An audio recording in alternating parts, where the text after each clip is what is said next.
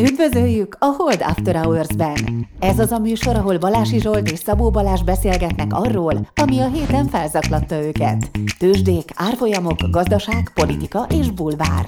Szabó Balázs és Balási Zsolt a Hold alapkezelő elemzői. Bármi, ami az adásban elhangzik, az az ő vagy vendégeik magánvéleménye, amely nem feltétlenül egyezik a Hold blog és a Hold alapkezelő hivatalos álláspontjával.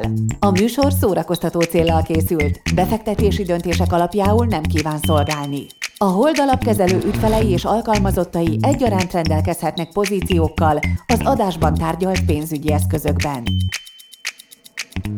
Na figyelj Balázs, rengeteg, vagy üdvözlünk mindenkit, megint. Most hétfő van, újra kell üdvözölni mindenkit. Balázs, üdvözölj újra mindenkit. Így van, kellemes hétfőt mindenkinek. Nem, vasárnap, vasárnap hajnalban jelenünk meg. Bocsánat. Az már hétfő, nem? I- igen, van akinek vasárnap, van akinek hétfő. Na akkor, hát ha már ilyen ünnepi hangulatban vagyunk, kezdjük egy kis rasszizmussal, azzal alig foglalkoztunk még, és most, de taxiztam. És az a helyzet, hogy a taxizás az a rasszizmus melegágya, még ha ez ilyen jókedélyű rasszizmus is, Nevezzük inkább előítéleteknek, de szerintem igazad van. Nagyon sok taxisnak, nagyon sok teóriája van a világról, és ez néha, néha furcsák. Igen, ezek elég furcsák. De vannak teljesen normális taxisok is, tegyük hozzá. Ugyanúgy, mint bármelyik másik szakmában. Tudod, ne légy diszkriminatív. Először is én mindig ilyenkor szondázom a gazdaságot, és, és megnyugodhatsz, tehát a, a úton lévő taxisok most egész jól vannak, mert már elég nagy a forgalom ahhoz, hogy a fele annyi kocsi, az már, az már jól el van. Tehát a, nagyjából azt mondta ez a taxis, hogy a, a kocsi, autók fele visszaadta a licenszet a pandémiában, úgyhogy most sokkal kevesebb van, és ezért a kisebb forgalom nem zavarja őket. És mondta, hogy és milyen jó, hogy ő megvásárolta a kocsiját, mert akik bérlik, azoknak mekkora szívás. És akkor elkezdtem neki magyarázni, hogy de nem, mert pont ilyen pandémiában a bérlés jelenti azt a rugalmasságot, ami igazából egy ilyen pandémia esetén jön ki. És Attól függ, hány évre kötötted azt a szerződést? Ez nem, ezek ilyen havi bérletügyek. Tehát pont azt mondta, hogy nem, ezek, ezek ilyen rövid Tehát rövidek. Igen, rövidek. De azt érted, hogy drágább lett, mert felment a kamat. Jó, ezt most ne elemezzük ki a taxi bérleti piacot, szerintem nem tudunk hozzá. Hát a, hát a leasing, a leasing díjak általánosságban felmennek. De ez nem leasing, tehát ez más, más megy. Cég leasingerés, te a taxis cégtől, mint taxis bérled a taxidat. Jó, akkor, akkor hát nem tudom. Hagyjuk Gondolnám, ezt. hogy átsorok, de jó, ha túl bonyolult, akkor ne kezdjünk. I- igazad van, valószínűleg átsorok, de nem, de nem ezzel szeretnék, mert sokkal érdekesebb téma, és akkor el akartam neki magyarázni, amikor közgázra felvételiztem, 94, tehát 90-es évek közepén, akkor volt szóbeli közgazdaságtani felvétel. Én közgazdaságtanból felvételiztem, mert az negyed annyi anyag volt, mint a történelem, bár soha nem tanultam előtte közgazdaságtan. És a szóbelin a, olyan, 90-es évek az a, az a legvadabb taxizás időszak volt, mert nem volt egyáltalán regulázva, és mindenki, aki elveszítette az állását, az fogta magát, beült a saját autójába, fölrakott rá egy taxi jelet, és, és már hiénázhatott is. És akkor mondta a, a felvételiztető egyetemi tanár, nagyon vicces, mindent azt mondta, hogy nagyszerű. Na itt az a nagyszerű felvételizünk, fogjon egy nagyszerű papírt, és írja a nagyszerű gondolatait, mondta. Ő nekem nagyon tetszett, és aztán megkérdezte, hogy vajon ugye a szabad piacot mivel szokták illusztrálni? Közgazdaságtanban egyrészt a tojáspiac, ugye az egy olyan, hogy bárki tojhat otthon tojást, és kiviszi a piacra és eladja, de akkor a taxis piacot is ennek apostrofálták, mert hogy nulla belépési korlát van, legyen egy autód és kész, és azt mondta, hogy de mégsem szabad versenyző piac, és miért nem, tessék Balázs, felvételizel a közgázra, miért nem volt ez akkor szerinted teljesen szabadon versenyző piac? Hát nem tudom, Zsolt, most írtad le, hogy ez teljesen szabad piac, nem tudom, jogosítványon keresztül, vagy valami, valami Igen, de... tehát hogy kellett valami administratív dologért fizetni, hogy lehessen mégis taxis? Nem, azok ugye nagyon pici belépési korlátok, nem, hanem óriási kilépési korlát van. Ugyanis ha akkor valaki nem taxizott, akkor helyette munkanélküli lehetett. Ugye az mind anyagilag, mind valószínűleg egy ilyen önbecsülés szempontjából is egy óriási kilépési korlát. Tehát nem belépési korlátok voltak, hanem kilépni nem akart senki. Mert akkor mit mondasz otthon az? De attól az még szabad piac. Ne, nem, hát ugyanaz. Belépési korlátod is, de ha a kilép... De az nem kilépési korlát, hogy tehát az egy piaci döntés, hogy kilépsz-e. Nem, egy, nem valami administratív dolog miatt nem tudsz kilépni. Hát azért nem léptél ki, azt mondod, a taxizásból, mert féltél, hogy munkanélkül leszel, igaz? Igen. Na hát igen. Ez, ez szabad piac. Hidd el, hát és ez, a, ez maga és, a szabad piac. És a, az önbecsüléseden keresztül, tehát nem, nem ez valamiféle kilépési korlát, azért ezt lássuk be. De ez kilépési korlát, csak a szabad piac azt jelenti, amikor te tökéletesen tudsz dönteni a lehetőségek között, mármint olyan értelemben tökéletesen, hogy téged nem befolyásol semmilyen szabályozás, te a preferenciáidnak megfelelően tudsz dönteni, eldöntött piaci alapon azt, hogy mit De csinálsz, várjál. és ez pontosan ez. De, de ugye, ha valami torzítja ezeket a preferenciáidat, azt hívjuk különböző korlátoknak. És itt most van egy ilyen torzító tényező. Na mindegy, ezt ne, ne vitassuk meg tovább, mert is nem, már mind a kettőket felvettek a közgázra, most már mindegy. Már mindegy, már mindegy. Minden, akkor ezt nekem az egyetemi tanár magyarázta el. Lehet, hogy jó pontokat szereztél volna a vita, vitapontjaid, de most nekünk ez mindegy. Na mindegy, szóval ezt már nem magyaráztam el a taxisofőrnek, pláne miután elkezdte nekem mondani, hogy ő annó vállalkozó volt, és pulóvereket kötött gépekkel, cége volt hozzá, stb. És mondta, hogy de jöttek a sárgák, megsemmisítették a magyar textilipart, vagy ruhaipart, és ő is elveszített az állását, és 54 évesen kellett új életet kezdenie, és taxisként kezdte. És akkor itt még mondtam neki, hogy nem a sárgák jöttek, hanem az olcsó munkaerő, és az jöhetett volna bárhonnan. Jöhetett volna Afrikából is, vagy Romániából, vagy Bulgáriából, vagy Ukrajnából. Tehát az olcsó munkaerővel volt a baja. Mondta, hogy jó, jó. De aztán, amikor elkezdte az új életét, mint taxis, mi jött? Jöttek a sárgák, és elárasztották a világot Covid-dal, és neki megint újra kellett gondolni az életét, és akkor itt már fogtam a fejemmel, még sok volt a hátra az útból, úgyhogy nem mondtam neki, hogy de a taxi is sárga, ezt már nem, erre már nem hívtam föl rá a figyelmét. Szóval, Na, eljutottunk a rasszizmusig is. így van, Megérte kivárni. Durva nagy rasszizmusba Torkollott a podcast. a podcast meg a taxiút. Na, legyen egy kis közszolgálatiság. Jön Valentin nap. Képzeld Balázs, nem tudom, tudta, de kaptam a Revoluttól egy e-mailt, hogy mindenki nagyon vigyázzon, hogy a Valentin napon se küldjön a szerelmének pénzt, mert az online románcok, azok gyakran csalások, és itt van, tessék, néhány jó tanács, hogyan kerüld el az afrikai hercegeket, akik nigériai hercegek, kik azok, akik pénzt csalnak ki belőle? Nem tudom, ezeket nekem már szemem így át, átfutja, már nem tudom. Szóval, ne, aki túl gyorsan és túl mélyen szerelembe esett velünk, az nagyon gyanús. Akkor, aki soha nem akar találkozni személyesen, az is nagyon gyanús az ilyen dating appeken. Aztán, hogy Hát meg a Facebookon ilyen csinos lányok bejelölnek, azt az nekem nem szokott lenni? igen, és küldtél már nekik pénzt? Nem, nem, nem. Ügyes küldtem. vagy, ügyes De, vagy. Sőt, még biztosan szoktam őket jelölni. Akkor, hogyha édesek, mint a méz, és neked azonnal egy pet német adnak, tudod, ilyen, mit tudom én, kedvesem, nem tudom mit, a, mert hogy, hogy nehogy véletlenül a rossz nevet használják. Becézgetnek Igen, téged. de becézgetnek, mert azt mindegyik, mindenkire lehet használni, tudod, és akkor nincs az, hogy az egyik Julcsi, a másik Kata, a másik Sára, hanem mindegyik a cica, akkor, akkor érted? Igen, ez is gyanús, hogyha Zsoltnak ír egy csinos lány Facebookon, hogy szia cicám. Igen. Akkor, akkor nem szabad pénzt küldeni. Azonnal nem. Ezt meg. Azonnal senkinek küldjön neki pénzt. Aztán Bad Romance. Állítólag az is egy ilyen össze, hogy nekik mindig valami nagyon nagy nehézség van az életükben, és azt is mondja, hogy nagyon És te lehetsz a megmentő? és te lehetsz a megmentő, akire várt. Tehát akkor az, az történik, hogy amúgy nigériai hercegek, akik bajban vannak, így az év során szoktak mindig pénzt de amikor jön a Valentin nap, akkor csinos lányokká változik a nigériai herceg. Így, így van. így van. De hasonló a gyenge angolsággal valószínűleg.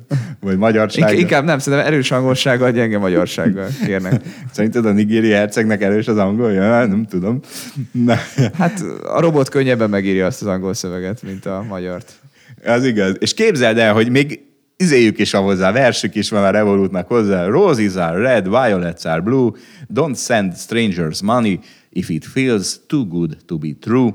Megpróbáltam lefordítani, de nem, egyszerűen nem jött ki. Úgyhogy kedves hallgatók, aki erre egy nagyon jó fordítást fog találni, lehetőleg szerepeljen benne az, hogy tarka az rétnek virága, amire nagyon jól rímel a picsába. Tehát valahogy ezt, ezt, ha valaki ezt nagyon jól össze tudja rakni, nagyon szívesen látjuk, pólóval honoráljuk, nekem nem sikerült.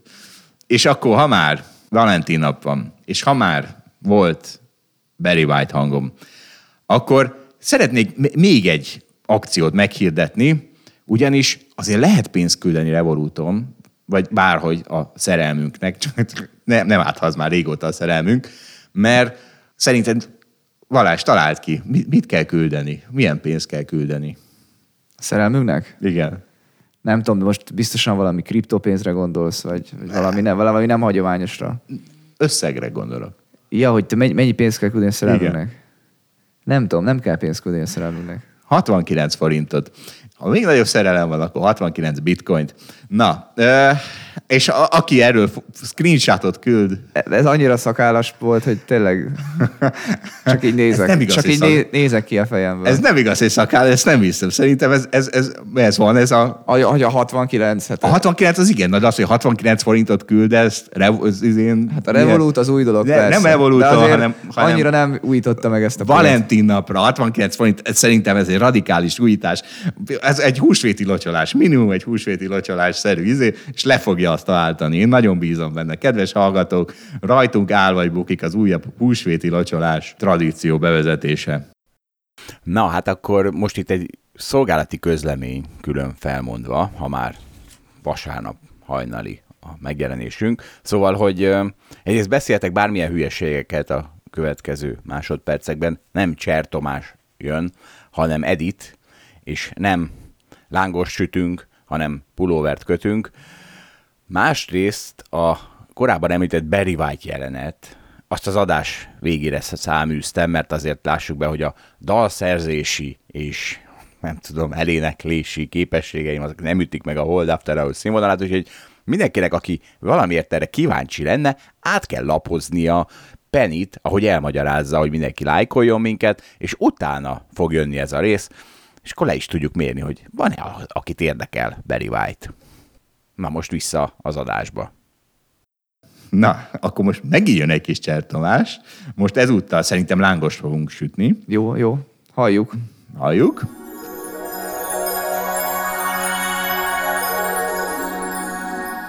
Na hát akkor üdvözlünk mindenkit, meg Editet is Jó üdvözöljük. reggelt, sziasztok, szia Edith. Jó reggelt, köszöntök én is mindenkit. Jó van, és akkor Editet is beszivattuk a jó reggeltel, bár mondjuk most azért Ó, annyira reggel van. van, ez nem szivatás. Három ér tíz van. Tehát jó, tehát ez a, ez a gyerekeknek van ez reggel, apukáknak ez már a dél, déltájban van. Te már aludnál vissza, tudom Zsolt. Edith is korán kelő. Én már három órája fönt vagyok, úgyhogy Akkor, zajlik a akkor, nap. akkor már neki sincs reggel. Na, na figyeljetek, mert óriási sztori van, mert Edith volt Kolumbiában, és lett takarítónője. Tehát ezt nem tudom nem összekapcsolni. Onnan hoztad de. Nem, nem, ez az és kapcsolat nagyon vicces, de nem onnan van a takarítónőnk. Egyszerűen időben így rendeződtek össze a dolgok, hogy elmentünk Kolumbiába, gondolkodtunk, és eldöntöttük, hogy jó, ezt most meglépjük, nekünk kell egy takarítónő, mert egyszerűen nincs időnk arra, hogy ezt megcsináljuk, és felesleges konfliktus forrás ez az egész takarítás ügy. Úgyhogy így történt a dolog. És hát lett takarítónő, nagyon friss az élmény, tegnap volt először, én borzasztóan elégedett vagyok, és nagyon-nagyon boldoggá tett az, ami a lakásunkkal történt tegnap. Ez igen, gratulálunk. Zsoltal mi ezt már évek óta tapasztaljuk. Zsolt már nem tudom hány éve tapasztalja. Az van, hogy minden ilyen változás, amit jóckodik az ember, megcsinál, és kiderül, hogy tök jó. Ezt úgy utálom, hogy az emberek óckodnak a változástól. Eddig mivel magyarázod? Nem, nem is az, hogy óckodás, mert azzal nekem nincs bajom, hogy most beengedek egy idegent a lakásba, lehet, hogy többeknek ez a gondja ezzel. Nekem inkább azzal volt bajom, hogy de hát én is meg tudom csinálni, akkor minek fizessek érte, hiszen spórolós vagyok, inkább elköltöm másra, de egyszerűen van az az élethelyzet, meg van az a talán kor is, amikor az ember eljut arra a pontra, hogy na jó, az időm, a szabadidőm, vagy esetleg a munkára fordítható időm sokkal fontosabb, és akkor kiszervezek bizonyos feladatokat.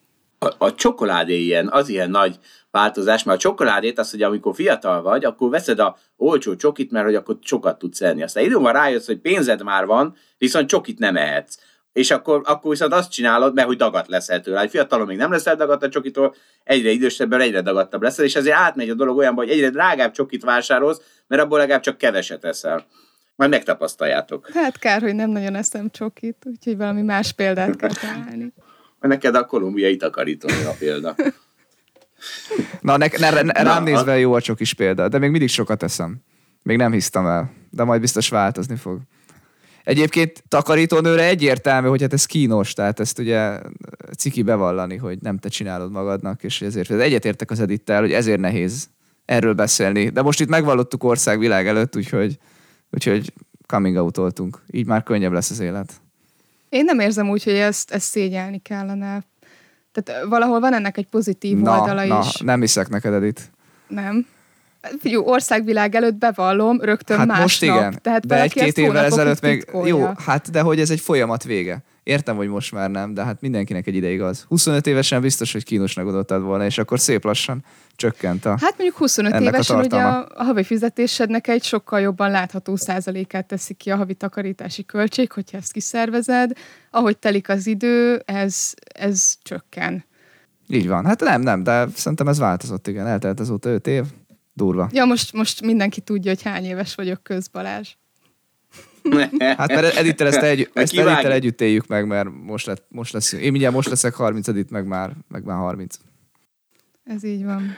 Akkor majd ezt kivágjuk ezt a részt, ne aggódjatok. Együtt Szerintem ezt is lehet vállalni kifelé. Szer- Nem olyan durva. is. Edith, hány éves szeretnél lenni?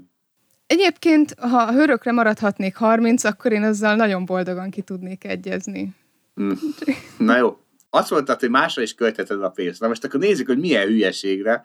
A Shane nevű tök hülyeségről lesz szó, ami, amitől én olvasgattam róla néhány cikket, és teljesen kiborultam tőle. Edith, mi, mi az a Shane? Na hát akkor rögtön itt az elején álljunk is meg, hogy hogy kell kiejteni ennek a cégnek a nevét, ugyanis én is bajba voltam vele, és végeztem egy kis kutatást. Hát nem Shane-nek, hanem Shine-nak mondják elég sokan. Vannak ilyen YouTube videók, hogy hogy kell ezt kiejteni. Nagyon sokáig a Shine volt az uralkodó vélemény, viszont kb. fél éve egy TikToker egy videóban azt mondta, hogy hát szerinte nem így kell kiejteni, hanem úgy, hogy Shein, mert régen az volt a cégnek a neve, hogy She Inside, tehát gondolom, hogy a, a nők milyen ruhát hordanak, hogy abban vannak, valahonnan innen jött a név. Tehát már ott is vita van, hogy hogy ejtsük ki. Én azt mondom, hogy legyen Shine, és akkor legyen ez a konszenzus, de rögtön az elején ez már egy érdekes kérdés. Na és hogy mi is ez a Shine? Ez egy Kínából származó ruha kereskedő cég, ami csak online működik, és olyan hatalmas méretű növekedést tudott felmutatni az elmúlt években, hogy lassacskán az Inditex és az H&M forgalom szintjét tudja produkálni igazából néhány év alatt. Szóval egészen elképesztő, amit csinálnak. A legnagyobb piacuk egyébként az USA, és az USA-ban már nagyobb méreteket ölt a, a forgalmuk, mint az Inditex és az H&M. Úgyhogy nem véletlen kapja föl a sajtó, és sok szemszegeződik rájuk. Egyébként nagyon ö, ilyen, hogy is mondjam, tartózkodó. Gagyi. Hát nem, nem is arra akartam most éppen kiukadni, hanem hogy maga a cég eléggé titkolja azt, hogy pontosan mit csinál. Nem is ő teszi közzé azt, hogy mennyi a bevételük, csak mindenféle elemző cégek becslésére lehet támaszkodni. De, de nem is ad interjút a vezérigazgató, tényleg nagyon sok mindent titkolnak, úgyhogy nem sok mindent tudunk róluk, és amit az előbb pedig mondtál, hogy hát gagyi, olcsó dolgok vannak, én egyébként a Shine-ról még nem rendeltem soha, viszont rendeltem más hasonló oldalakról. Szerintem egyébként ugyanaz lehet a minőség.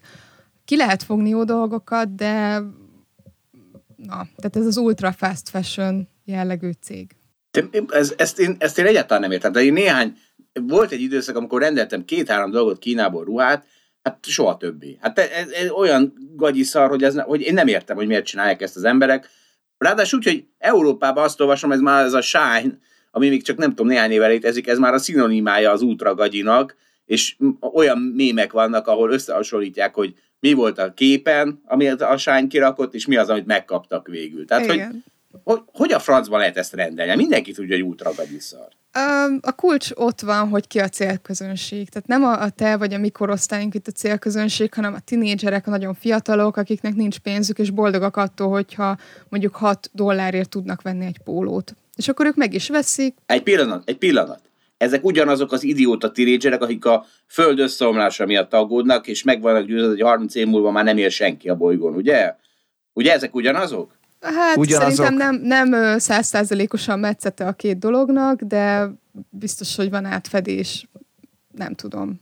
És ezek utaznak is ezek a tinédzserek majd Zsolt. Egyébként hagyd tegyek hozzá egy számot, hogy az amerikai tinédzser lányok körében 2020 tavaszán mindössze 5%-os volt a piaci részesedése a márkának, 2021 őszére ez 20% lett, tehát ez brutális növekedés másfél év alatt.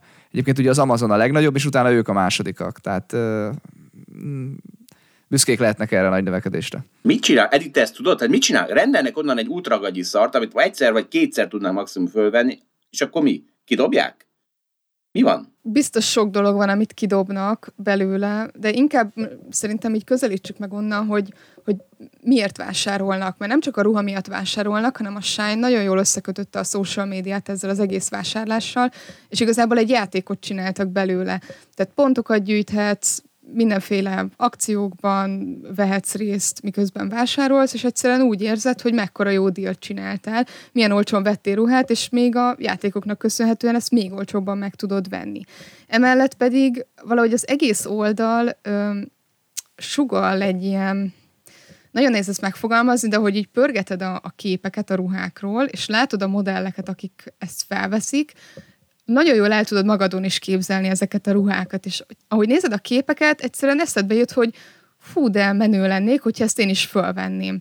És, és nem azon gondolkodsz, hogy valószínűleg egy ilyen gagyi béna valami lesz, amit megkapsz, és nem is hasonlít arra, amit rendeltél, de elültetnek benned egy ilyen érzetet, és egyszerűen muszáj megvenned. És ezt az egész... Egyszer. Edit, egyszer vagy kétszer. Tehát amikor harmadszor is ugyanazt kapod, akkor miért veszed meg? Szerintem azért nem, nem az van, hogy mindig nagyon rosszat kapsz, ki lehet fogni jókat is. Egyszer-egyszer még régen, egyetemista koromban, amikor rendelgettem ilyen kínai online oldalakról, én is kifogtam jó dolgokat. Szerintem ezt meg is lehet tanulni, vagy úgy rá lehet érezni, hogy mi az, ami biztos gagyi lesz, meg mi az, ami kevésbé.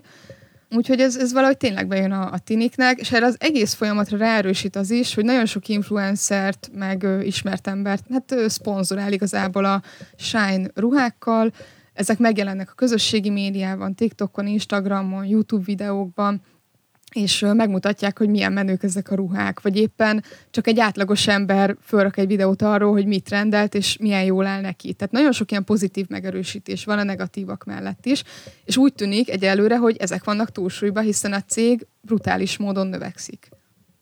És azt nézem, hogy a Zarát nem tudja kiszorítani, de a H&M-et meg nagyon-nagyon kiszorítja. Az adatokból ez látszik az elmúlt másfél, hogy a H&M-nek a piaci részesedése nagyon lecsökkent a US fast fashion piacon. Ehhez én is adok egy adatot, ezt a 444 cikkében olvasom, míg korábban a világ legnagyobb fast fashion cégének számító Zara 10 ezer terméket dob piacra egyében, addig a Shine 600 ezret. Ezt hogy csinálják? Ez úgy van, hogy az aráról tudjuk, hogy, hogy saját maga kitalálja a dizájnt, ezt ő legyártatja, neki is van néhány bevált gyártóhely, ahol ezeket megcsinálják. A Shine viszont azt csinálja, hogy ő nagyon-nagyon sok gyárral, inkább kisebb gyárakkal állnak kapcsolatba, és öm, nekik igazából kiszervezik ezt a dolgot. Van, hogy a Shine kitalálja a dizájnt, és kiosztja, hogy te meg te csináld meg. De olyan is van, hogy jön maga a beszállító vagy a gyártó a saját ötletével, és mint egy marketplace beviszi a Shine-hoz. Tehát ő azért más a modell, a Shine modelljével sokkal egyszerűbb nagyon sok újfajta terméket piacra dobni. Tehát a, a merítésük sokkal nagyobb, mint az arának. Meg, a, igen, meg az átfutási idő. Tehát azt mondják, hogy például a Shine-nál ugye rengeteg, erről még lesz szó, rengeteg adatot bányásznak a felhasználókról, és ott azt nézik, hogyha két napig valami nagyon populáris, bárhol valami, akkor abból, mint a villám csináltatnak még 500 darabot, vagy 50 darabot. 50 darabot, hogy populáris lesz aztán még 500 darabot, és ezt ilyen, akkor mit tudom, egy hét alatt ott van, az éppen trendi cucc, egy hét alatt ott lesz a, a Shine-nál, még ugyanez az átfutási idő az Aránnál az hónapok. Igen, az Aránál nagyjából úgy emlékszem, hogy 5 hét volt. És egyébként világszinten, hogyha most a Shine kivesszük a képletből, az Ara, meg egyáltalán az Inditex, nagyon versenyképes ebben, hogy ők nagyon gyorsak, és azért elképesztő ez, hogy a Shine ezt még gyorsabban tudja csinálni. De mondjuk, tehát ahogy én is olvastam, a Shine megengedheti magának, hogy először csak egy-egy fajta mondjuk pólóból, amit kitalálnak, 50-100 darabot rendelnek, míg ezt egy ismert nagy márka nem tudja megtenni, tehát ott már rögtön egy kollekcióból több száz vagy akár ezer darabot kell rendelni, tehát sokkal kisebb a lehetőségük a kísérletezésre. Míg a Shine nagyon könnyen tud kísérletezni, és tényleg rögtön látja, hogy mi az, ami jól megy, mi az, ami tetszik a fogyasztónak, akár már csak videók alapján nézelődnek az interneten, hogy éppen mi lesz a trendi, és tök gyorsan tudnak reagálni erre. Igen, és ugye senki nem küldi vissza akármilyen gagyi, mert hogy az olcsó. Ti küldtetek már vissza valamit Kínába? Soha. Mindig Ugye? azt éreztem, hogy mennyire macerás, meg költsége is, hát nagyjából betegszik a termék költségével. Még én sem küldtem semmit vissza Kínába, de szerintem sehova máshova sem. Úgyhogy ez olyan sokat nem mond. Hát, hogyha valami nagy értékűt rendelsz, csak az meg nem lesz gatyi meg szar, de annak meg a mérete lesz rossz esetleg, és azért visszaküldött. A, én akkor adtam fel ezt a Kínából rendelést, amikor gitárpengetőt rájöttem, hogy egyszerűbb Kínából rendelnem, mint lemennem valami gitárboltba gitárpengetőt rendelni, és akkor rájöttem, hogy hát ez, ez, ez abszurd. Tehát ez már nekem fáj. Tehát én, én aztán abszolút nem vagyok tagja a klímahisztinek, de ez már nekem is fájt, hogy gitárpengetőket hozatok Kínából. Ugye ott képzelted a És hát hajót, ugye- hogy ott megy körbe, hogy ott Indiát, ott megkerüli, ott a lelki szemeid előtt ott nézted a partokat, hogy ott Hát meg most ESG szempontból gitárpengetőt a világ másik feléről. Jó, Hát mondjuk nem olyan nehéz. környezetterhelése So- van ennek. Sok gitárpengető elfér egy konténerben, azt mondjuk el lehet mondani. ez a gitárpengető hajón jött. De, de nem is ez a probléma, mert ugye, mert ugye ez a kérdés, hogy miért hozzák ide Kínából ingyen a cuccokat. És nem az a kérdés, hogy mert Kínából tényleg annyira hatékonyan megszervezték, meg állami a posta, ami nem akar profitálni, azt akar, hogy elárassza a kínai adja a világot. Szóval, hogy az, hogy Kínából Európáig eljön a gitárpengető mindjárt, az még hagyjám, mert az a marketing stratégia része. Na de azt már nem értem, hogy Európában, vagy akár csak a magyar posta, az már miért hozza ki házhoz ingyen az én gitárpengető, mert e- én ezt nem tudom megérteni. Hát azt nyilván valaki Biztos, hogy fizeti, de hát azt te érted? Nem ingyen hozza. Biztos, hát, Hát hogy neked ingyen hozza. Hát miről de azt vesztek? Beárasztad, Zsolt, hát az azt beárasztad. Nem, de ez, ha mit, mit? A 24 forintos gitárpengető csomagomba be van árazva, hogy egy postás elhozza a lakásomba. Ezek szerint be. Én, Miről én úgy emlékszem, hogy Valahogy arra be. azért egy dollárt rápakoltak, mint szállítási költség. Nekem még az se. Akkor valami akció lehetett. A- elengedték az egy dollár. De nem, nem, nem, ezeket tényleg azokat is ingyen hozzák, és állítólag vannak ilyen posta közti megegyezések, hogy az Egyesült Államokkal legalábbis biztos van, hogy az Egyesült Államok postahivatala kiszállítja a kínai cuccokat Egyesült Államokban, cserébe a kínai posta kiszállítja az amerikai cuccokat Kínában. Na de hát ez milyen megegyezés? Egyébként azt hiszem, hogy Trump is ezért hőbörgött, hogy ez milyen megegyezés, amikor milyen aránya lehet a kettőnek egymáshoz képest, pláne a magyar-Kína viszonylatban. Igen, igen. Hát igen. Na figyeljetek, még, még valamin azt hiszem kiborultam, mindjárt megnézem, én borultam még ki. Jaj, hát ez nagyon jó, mert ezt mástól is hallottam, hogy ezek mindent megígérnek. Tehát a kínaiak, a, valaki üzleti kapcsolatban a kínaiak, és azért ők mindent megígérnek. Pontosan tudják, hogy nem fogják megtartani, azt mondják, hogy már legyártották, amikor még egy hét múlva fogják elkezdeni. Tehát ezek a csí útját járják, ezek semmit nem izgatják magukat, bármit belazudnak a képetbe, és itt nézem, a Shine is bemondta, hogy a mi termelési módszereinket, mert ugye mindenki rabszolgamunkával, meg mit tudom, 70 órát dolgozó, nem tudom, kínai emberekkel riogat, hogy ez megy a sányban, és azt mondja, hogy nem, őket az ISO hitelesítette, a, és így aztán a, a standardjeik összhangban állnak a nemzetközi standardekkel, és akkor Reuters rákérdezett az ISO-nál, hogy tényleg, és azt mondja, nem, ők, ők soha nem jártak a sánynél. Na, Hát tessék, ehhez mit vannak szóltok? itt gondok, de tudjuk azt, hogy így a fast fashion iparágban azért nagyon sok cégnek neki lehetne menni. Valami ilyesmi történhet a Shine-nel is, valószínűleg nagyobb méretben, meg mivel ők ugye eléggé titkolják a, a számaikat, meg a működésüket, nincsenek is ugye tőzsdén, tehát nem kell nekik igazából transzparensnek lenni. Nyilván vannak más szabályok, amelyek vonatkoznak rájuk, de tehát szerintem ebben nincs újdonság. Tudjuk azt, hogy az Agendemnek is nagyjából tíz éve mekkora nagy botránya volt amiatt, mert ö, talán Bangladesben volt egy gyár, ami kigyulladt, összeomlott, nagyon sokan meghaltak, és közben nem is lehetett tudni, hogy most az Agendem gyártott, de akkor végül kiderült, hogy mégis nem voltak meg az engedélyek, nagyon rossz munkakörülmények voltak, és, és folyamatosan derültek ki ezek a dolgok, tehát ez nem a Shine-nek a Shine-nak, bocsánat, a sajátja, hanem, hanem egyszerűen nem tudják máshogy biztosítani ezeket a nagyon alacsony termékárakat, csak úgy, hogy rabszolgamunkát végeztetnek. Mondjuk ki a legdurvábbat, amit ma ki lehet mondani a vállalatokról, hogyha rosszat akarunk róluk mondani. Nem működnek az ESG elveknek megfelelően. Hát nagyon nem. Ú, nagyon nem. Ez fáj. Durva volt, mi? Valázs, ez fáj.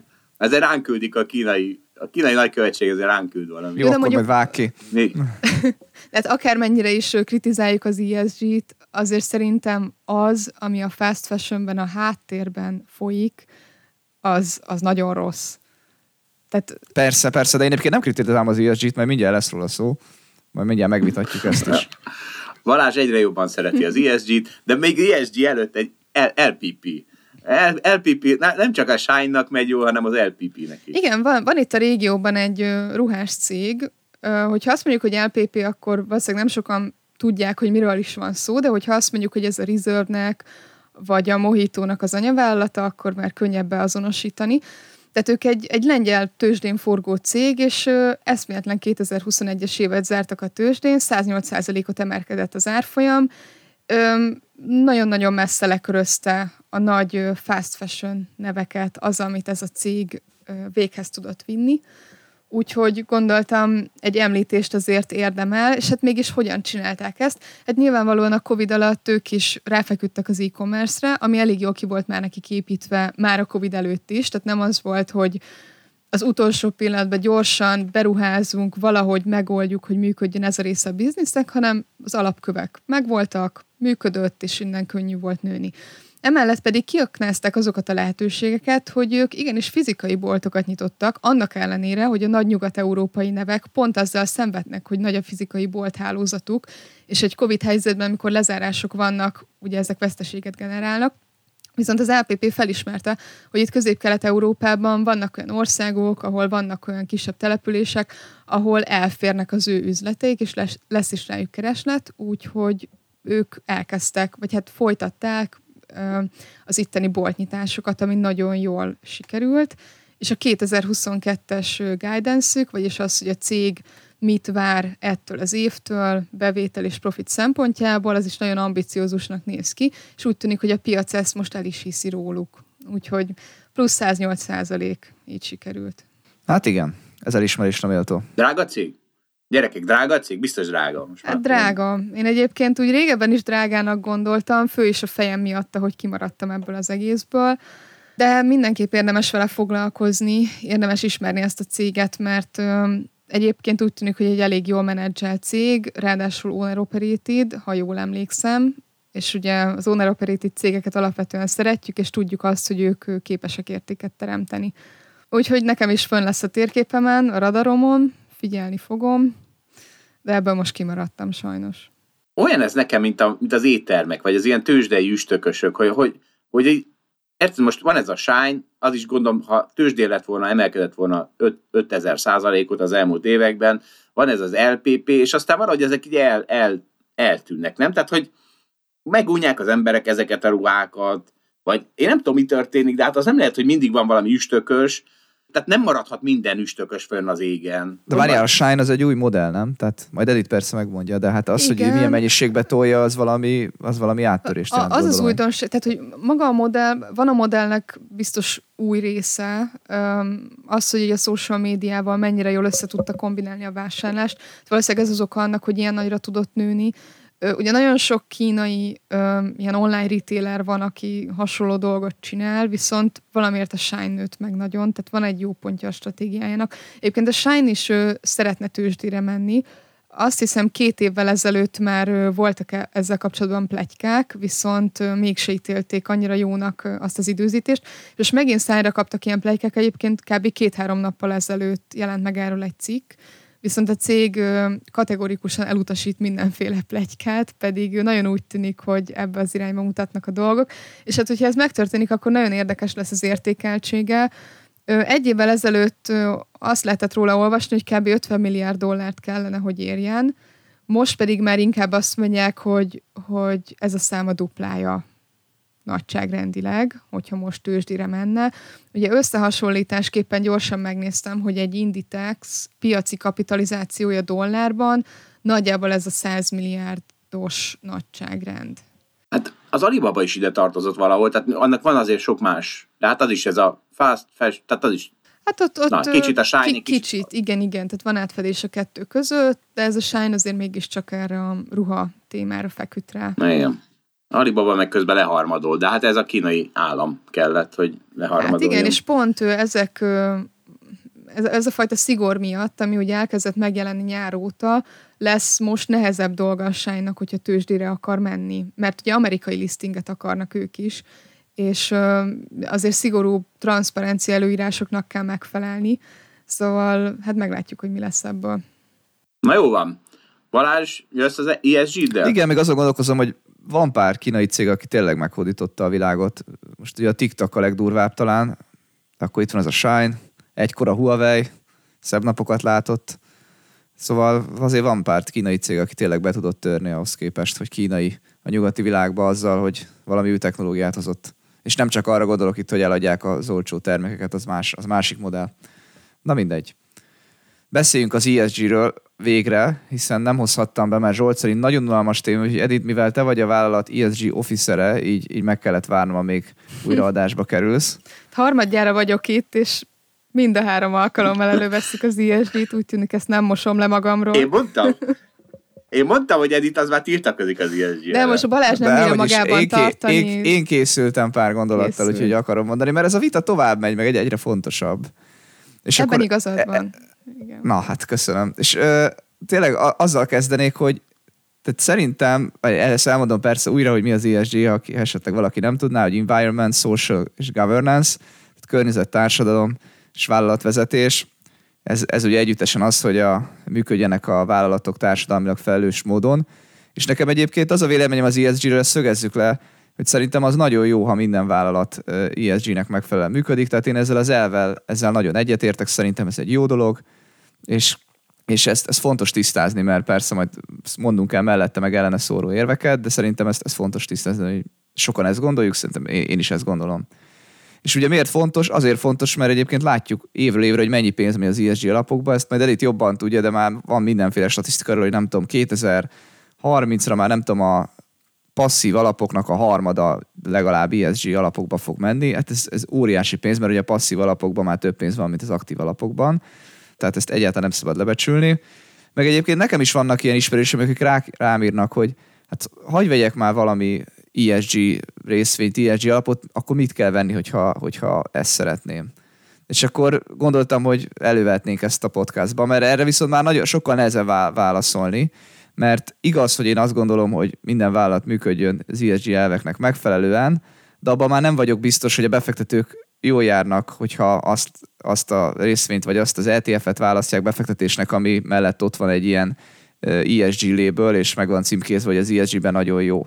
És abban sem vagyok biztos, hogy az az intézményrendszer, ami erre ráépül, az, az egyébként minden tekintetben hasznos a, a társadalomnak. Úgyhogy szerintem ott jönnek be már a, inkább a vitáspontok, nem magával az ESG elveivel kapcsolatban. Most ugye van a Damodarannak a kritikája, amit ősszel írt. Damodaran ilyen nagy vállalatértékelő New York Egyetemen tanít. Ő, ő azt veti fel, hogy az ESG egyébként hamis várakozásokat, meg illúziókat kelt a befektetőkkel kapcsol, a befektetők felé, főleg a kis befektetők felé. Az egyik az, hogy nincs kapcsolata az ESG és a profitabilitás között, pedig egy kicsit úgy van ez elhitve, mintha ez, ez, ez így lenne. Valójában, hogyha megnézzük a statisztikákat, hogy hogy teljesítenek a ESG-ben jónak tekintett, meg rossznak tekintett cég, akkor inkább az látszik az elmúlt években, hogy a rossz cégeket büntették a befektetők, Egyébként a jó cégek általában nem teljesítenek felül. Itt az olyan rossz cégekre kell gondolni szerintem, mint az olajcégek, akik szerintem egyébként nem amiatt teljesítettek az elmúlt években rosszul, mert kiszorultak volna az ESG-ből. Persze már ez is picit benne lett, de én azt gondolom, hogy ez amúgy is egy utált szektor lett az elmúlt években.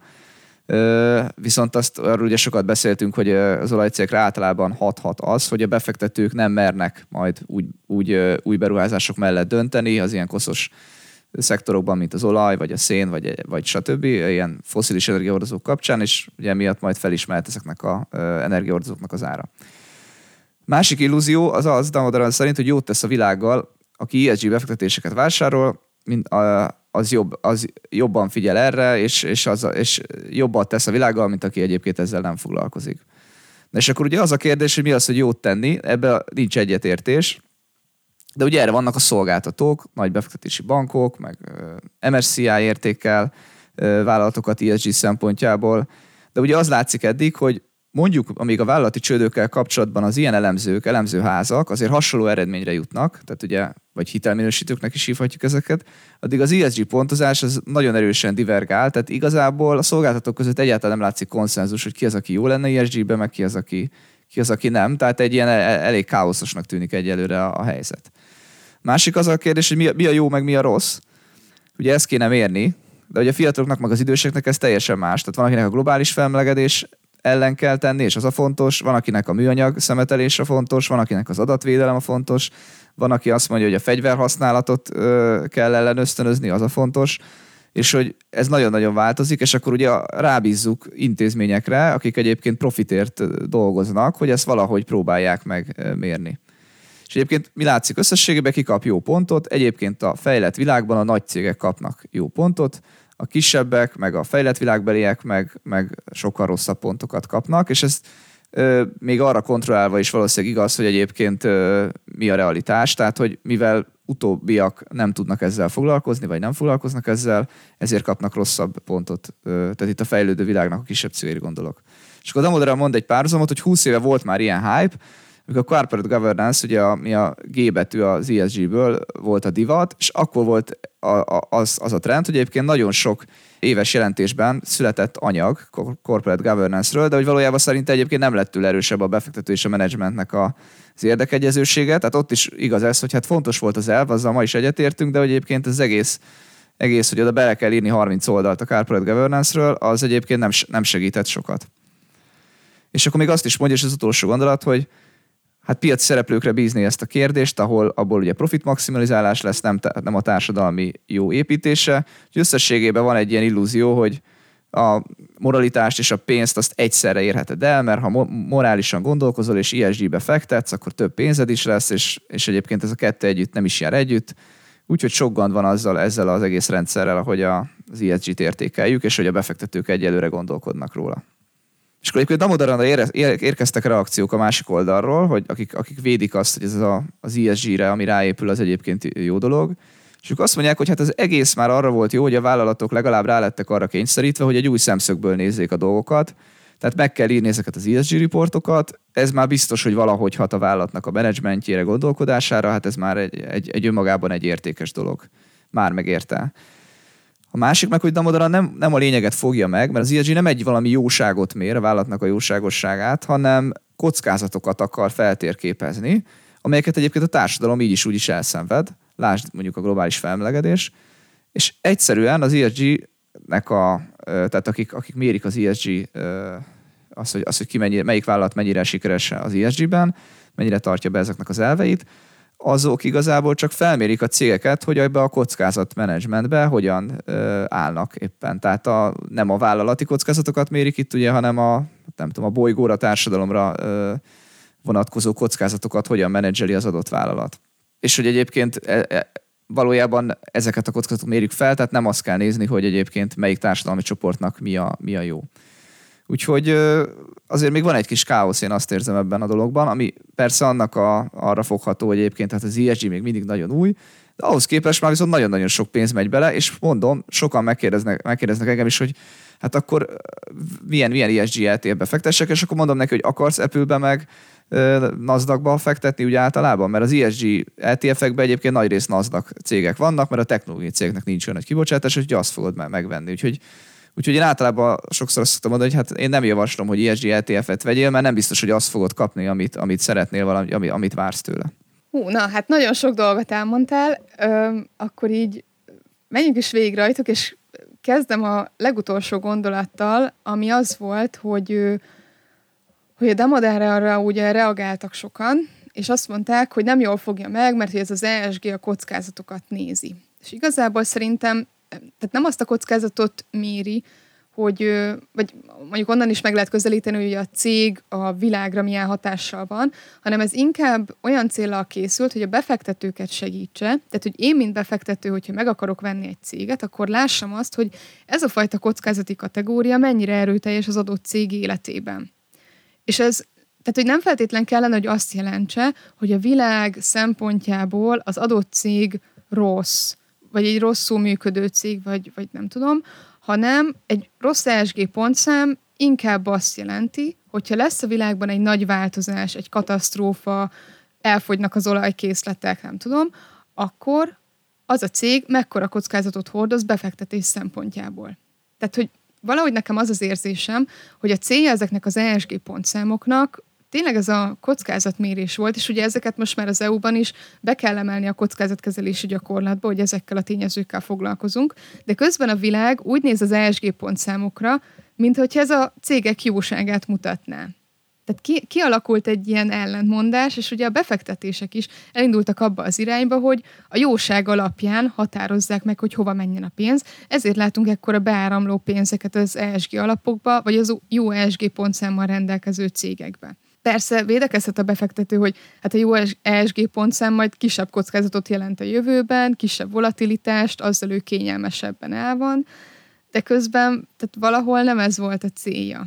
És ez itt a gond. Szerintem meg az a gond, hogy a, hogy a klímaváltozás ellen küzdeni, az tök jó lenne, csak mivel hiszti van belőle, ezért nagyon rosszul megy a küzdelem, és az ESG is ennek a része, tehát az, hogy Németország bezárja az atomerőműveit, tehát ennél nagyobb baromságot nem lehet csinálni, még klímaváltozás szempontjából se, mégis megcsinálják. Mivel az ESG is egy ilyen hiszti alapú, nem is tudom micsoda folyamat, ahol föl tudod mutatni, hogy hát ha tök hülyeséget is, de legalább tettem valamit a környezetért, lásd atomerőművek, akkor, akkor boldogabbak az emberek, hiába még kárt is okoznak vele a környezetnek. Én, én ezt valahogy az egészet így látom. Igen, ugye sok dologra mondod, hogy hiszti van, és egyébként itt egyet is tudok érteni azzal, hogy, hogy tényleg van egy hiszti, és okoz egy ilyen szétesett folyamatot, hogy túl gyorsan akarunk. Állj! Állj! Ahol én azt mondom, hogy hiszti van, ott hiszti van. Ja, bocsánat. Ez nem bocsánat. úgy van, hogy egy csomó hülyeségre azt mondom, hogy hiszti van, ahol nincs. Én mindig csak arra mondom, Most ahol ketten vagyunk, van. Zsolt, lenyomunk, ez nyilván nincs így. Tehát ne, nem vitathatjuk meg, hogy van-e hiszti, mert a hiszti az van. Értem. Ja. Ha. Így van. Jó. De hogy tehát tényleg van itt egy ilyen hatás, hogy, hogy nagyon megijedés van, előre szaladunk a folyamatba, a folyamat nem tud egyébként utána menni, ezért alakul ki az, hogy túl korán akarják szabályozni ezt az egészet, még azelőtt, mint hogy normálisan lehetne mérni ezt az egész dolgot, a befektetési szakmát kicsit ott hagyják a bajban, Öm, nem, nem annyira egyértelmű, hogy mit kellene csinálni, vagy mi alapján kellene csinálni. És ugye ennek az egésznek valahol az lesz az eredménye, hogy, hogy a szabályozás, meg az egész környezet elkezdi abba az irányba nyomni a, a cégeket, meg a befektetőket is, hogy minden legyen ESG. Tehát egyébként szerintem nem is annyira durva szám az, hogy x év múlva a befektetések 30%-a ESG típusú lesz, mert lehet, hogy 100%-a az lesz, mert egyszerűen, hogyha nem rakod rá ezt az ESG bélyeget az alapjaidra, akkor tehát ugye ezt már nem is az, hogy nem fogják megvenni, hanem egyszerűen a szabályozó nem fogja hagyni, hogy legyenek nem ESG alapok. És akkor ilyen önerősítő folyamatként oda fogunk eljutni, hogy minden az lesz. És akkor már végképp nem fogod tudni megmondani, hogy melyik az a cég, ami ténylegesen jó vagy rossz, mert látszólag mindegyik jó lesz. Egyébként most végig gondolva örülök, hogy elővettük ezt a témát, ugyanis az elmúlt fél Na, évben tessék. szerintem, na, szóval kö- köszi Balázs, az elmúlt fél évben nagyon megszaporodtak az ESG-t kritizáló cikkek, tehát lehetne nyilván követni így a sajtót, hogy, hogy mondjuk ha nézzünk egy három éves időtávot, ez hogyan változott meg, viszont én úgy sokat olvasok erről, meg nézegetek ilyen oldalakat, amelyek összegyűjtik az ESG-vel kapcsolatos híreket, és egyébként a cégben is ugye mi küldözgetünk egymásnak érdekes cikkeket, és nagyon megszaporodtak az ESG kritizáló cikkek. Tehát valami folyamat elindult, én nem tudom, hogy ennek mi lesz a kifutása, viszont egyre többen kezdik látni azt, hogy a jelenlegi rendszer a mostani értékelésekkel az mennyi kárt okoz, és mennyire megnehezíti a befektetőknek az életét. És ugye az előző podcastokban már beszéltünk arról, hogy tavaly életbe lépett az EU-ban egy szabályozás, ami azt hivatott elősegíteni, hogy a befektetők könnyebben kapjanak információt az ESG kockázatokról, ugyanis közzé kell tenni nagyon sok információt, és azt is megbeszéltük az előző adásokban, hogy az USA le van maradva Európához képest ebben a szabályozásban, ott még nem mutattak annyira nagy szigort azok, akik meghatározzák ezeket az előírásokat. Viszont úgy tűnik, hogy 2022-ben ebben is lehet változás, és lassan az USA-ban is szeretnének bevezetni valami hasonlót, mint ami Európában most van. Úgyhogy várhatóan ott is ö, felerősödnek majd ezek a negatív hangok, és én el tudom képzelni, hogy ez felszínre hozzon olyan dolgokat, amiket érdemes lenne megváltoztatni, akár a gondolkodásmódban is, viszont ez egy nagyon-nagyon hosszú folyamat lehet, tehát nem fog egyik napról, vagy egyik évről a másikra megváltozni, hiszen ez az egész ESG gondolkodás valahogy annyira beleivódott most már a köztudatba, hogy tényleg nem tudom, mi lesz, én inkább érzetre mondom azt, hogy lehet, hogy valami meg fog változni. Szerintem szuper trend van, Zsolt szerint hiszti van. Ezt hívott, te beleívódott. ugyanaz. de az Edit is most leírta, hogy hogy működik a hiszti, amikor a legnagyobb rapli van, akkor nem mész oda okoskodni, hogy figyelj, ez hülyeség, amit csinálsz. Megvárod, egy kicsit, kicsit enyhüljön, egy kicsit megszokja a világ, hogy itt most óriási hisztéria van, és aztán elkezdenek szaporodni azok az emberek, akik gondolkodnak a dolgon valóban, és megírják, hogy ez hülyeség, meg látják, hogy már más is megírta, és nem lett levágva a feje, vagy letépve a feje a hisztizők által, akkor már még többen megmerik írni. Szóval így, ezek így csapkodnak, ezek a hullámok, aztán egy idő múlva majd rendben lesz. Ha, hangsúlyozom, Reméljük. szerintem a célok így is nemesek, az, ahogy kezeljük, meg az intézményrendszer, ami ráépül, azzal van a gond Zsolt. Tehát én azt, én azt, hogy van egy ilyen szuper trend, azt én nem hívom hisztinek, szerintem jogos elvárások vannak a befektetők részéről. De te nem mered hisztinek így. Ez csak arról szól, hogy te nem mered hisztinek Nem, nem akarom, nem Szuper akarom. Tehát azt én Na sem akarom van. mondani, hogy klímahiszti, hanem inkább azt mondom, hogy ESG hiszti. Tehát én a kettő dolgot elkülönítem egymástól. Nem tudom, Zsolt, hogy neked ez a klímahiszti, ez, ezzel mennyire értesz egyet, de azt én nem gondolom De az hisztinek. előbből. Az... Én sem. Úgyhogy úgy, kettő egy. ja, majd kussolok. Várok egy-két évet, és amikor kezdtek kiózanodni, akkor majd szólok, hogy gyerekek, hát ez, ugye, hogy nem úgy volt ez? Na, na hát valamit még szeretnétek ESG témában a hallgatók fejéhez vágni? Na, nem, akkor lassabb úgy. Hagyjunk Nem. valamit a következő alkalomra is, én azt mondom. Jó van. Hát akkor sajnáljuk, hallgattuk, csak 45, nem tudom, csak egy ilyen negyed órácska ESG lett a végére. Köszönjük szépen a figyelmet, köszönjük szépen együtt, sziasztok! Viszont hallásra, sziasztok! Sziasztok!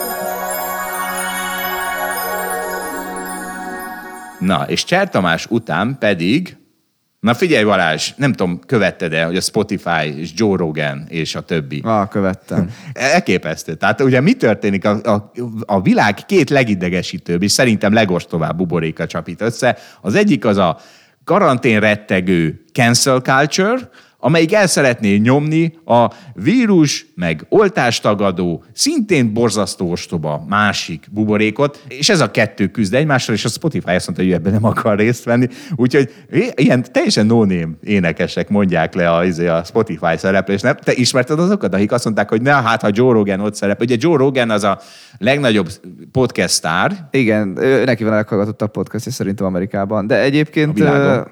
vagy a világon, akkor ezek szerint, hogy tehát most az, hogy a Spotify oda tesz pár írást a koronavírussal kapcsolatban, ilyen for your infót, egyébként ezt a Facebook is csinálja, szerintem ezzel azért nincs akkora nagy probléma. Ne, nincs, de hát ugye egy csomó ember elkezdte követelni, hogy ha nem szedik le Joe Rogan-t a Spotify-ról, akkor az ő zenéit szedjék le. És csupa olyan ember, akiről sose hallottam.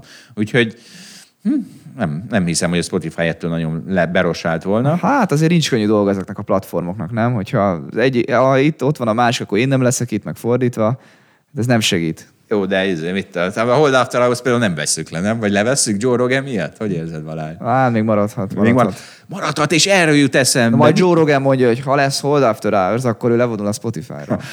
Az jó lesz. Ha? Az jó lenne. Igen, mert akkor megtanult magyarul. Akkor Joe Rogan megtanult magyarul valószínűleg. Na és, ha már izé, Spotify, mindenki lájkoljon.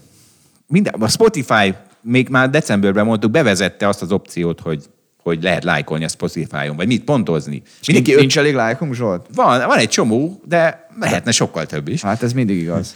4,9-re állunk az ötös skálán, az egész jó, és aki, megkérjük, hogy az ötösök, tehát az 130 embertől mindössze. De az ez nem olyan kevés, nézem a többieket így gyorsan.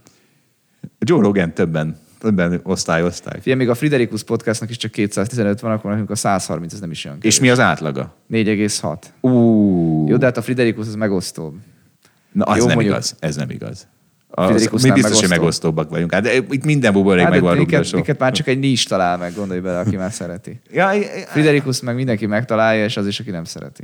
jó, de akkor nem. Na jó, de azt igen, ezt visszaszívom. Lehet, hogy megosztóbb vagy, mint a Friderikus. Na, ne idegesítsél. Ne idegesítsél. Nem akarlak megbántani. Gondolhatom újra az nem, életemet. nem akarok megsérteni ilyen mélyen.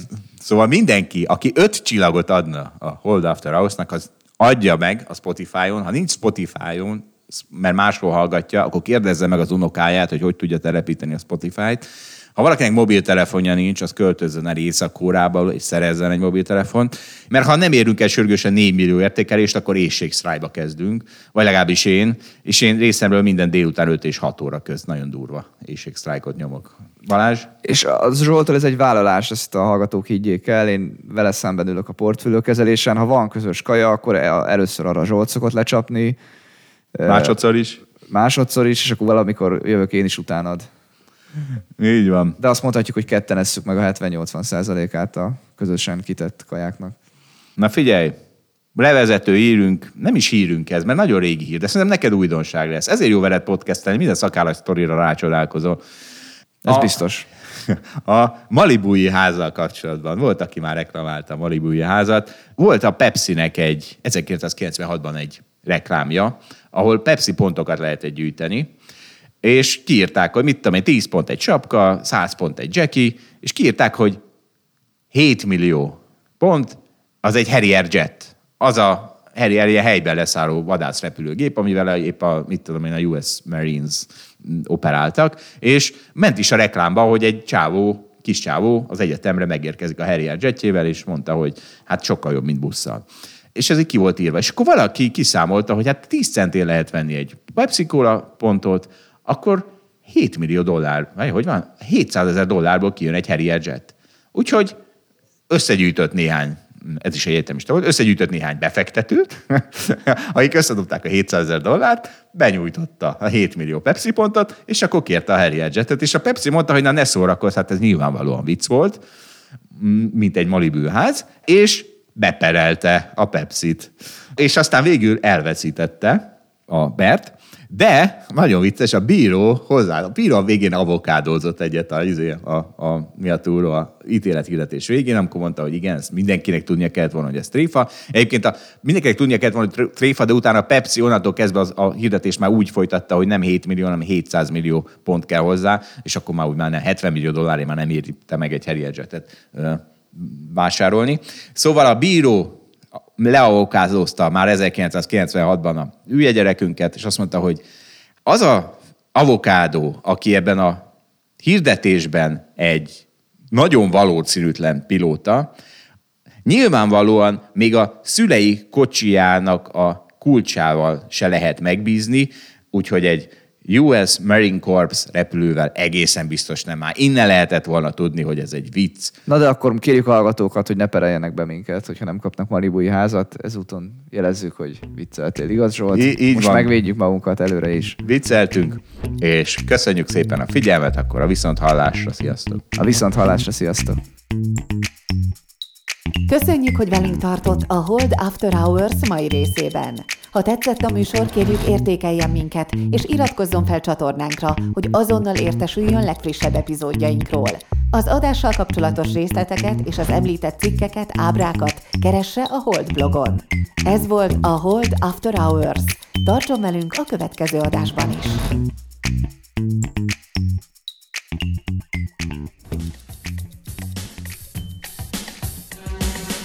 Az szerelmes. 69 bitcoin. Az még szerelmesebb.